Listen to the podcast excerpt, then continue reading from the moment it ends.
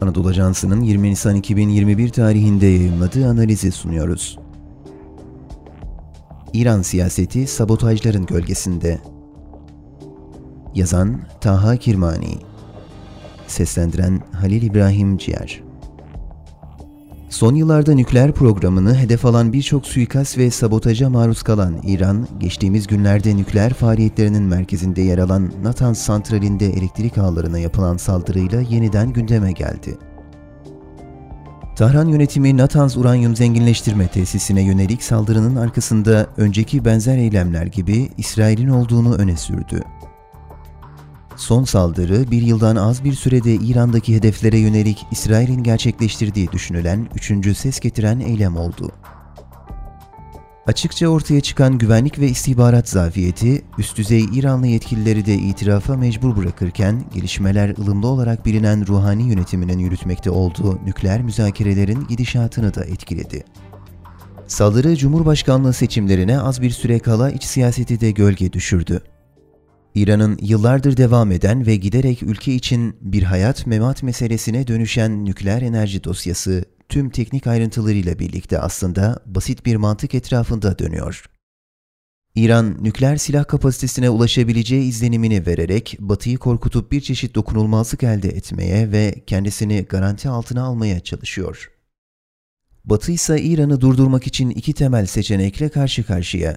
İlki İran'ı tamamen kendi haline bırakmak, ikincisi ise İran'ın nükleer faaliyetlerini geniş çaplı bir savaşı tetikleme potansiyeli olsa da güç kullanarak engellemek. Batı, özellikle Irak işgalinden sonra bölgedeki istikrarsızlıktan ve devlet otoritelerinin zayıflamasından yararlanarak nüfuzunu artıran İran'ın gücünün ve imkanlarının farkında. Dolayısıyla İran'ın rahat olduğu zaman kendi sınırlarına sığmayacağı öngörülebilir. İran'ın artan nüfuzunun Batı ve özellikle ABD açısından İsrail'in güvenliği bağlamında öncelikli olarak ele alındığı da bilinen bir husus. Güvenlik sistemindeki zafiyet Natanz nükleer tesisine yönelik saldırılar İran iç siyasetinde de geniş yankı buldu ve ülkedeki güvenlik bürokrasisi tartışmaların odağına yerleşti. Bu çerçevede İran Devrim Muhafızları Ordusu eski komutanı Muhsin Rızai'nin itirafları özellikle dikkat çekiciydi.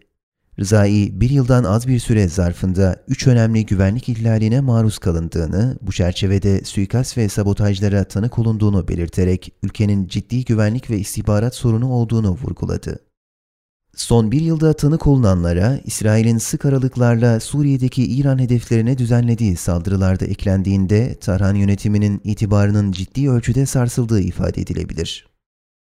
İran'ın nükleer programı açısından hayati önem taşıyan kişi ve kurumları hedef alan saldırıların aydınlatılmasında yaşanan aksaklıklar ve tutarsız açıklamalarda güvenlik bürokrasisine yönelik tepkilerin diğer bir boyutu. İran istihbaratı Natan saldırısından birkaç gün sonra Rıza Kerimi adlı kişinin operasyonda kilit rol oynadığını ve yasal yollarla ülkeden çıktığını açıkladı. Oysa ilk gün saldırının bir siber saldırı olduğu ve insan unsurunun bulunmadığı açıklanmıştı. Daha önce de İran'ın nükleer programının mimarlarından Muhsin Fahrizade suikasti ile ilgili birbiriyle çelişen birçok açıklama yapılmıştı. İran'ın nükleer programı ve bu hususta yürütülecek müzakereler Cumhurbaşkanı'nın iradesinden öte bizzat devrim rehberi Ali Hamaney'in kontrolünde olan konular. Bu bakımdan yaklaşık iki ay sonra gerçekleştirilecek Cumhurbaşkanlığı seçimlerini kazanan kişinin kim olduğu pratikte bir şey değiştirmeyecek de olsa, nükleer enerji konusundaki gelişmelerin ne yöne evrilebileceğini anlamak açısından önemli olacak. Biden yönetiminin Obama dönemine benzer şekilde nükleer faaliyetleri konusunda İran'la bir anlaşma yapması muhtemel görünse de, İsrail'in bu süreçleri zaman zaman sabote ettiği unutulmamalı. Öte yandan İran'da toplumsal huzursuzluğun giderek arttığı da hesaba katılmalı.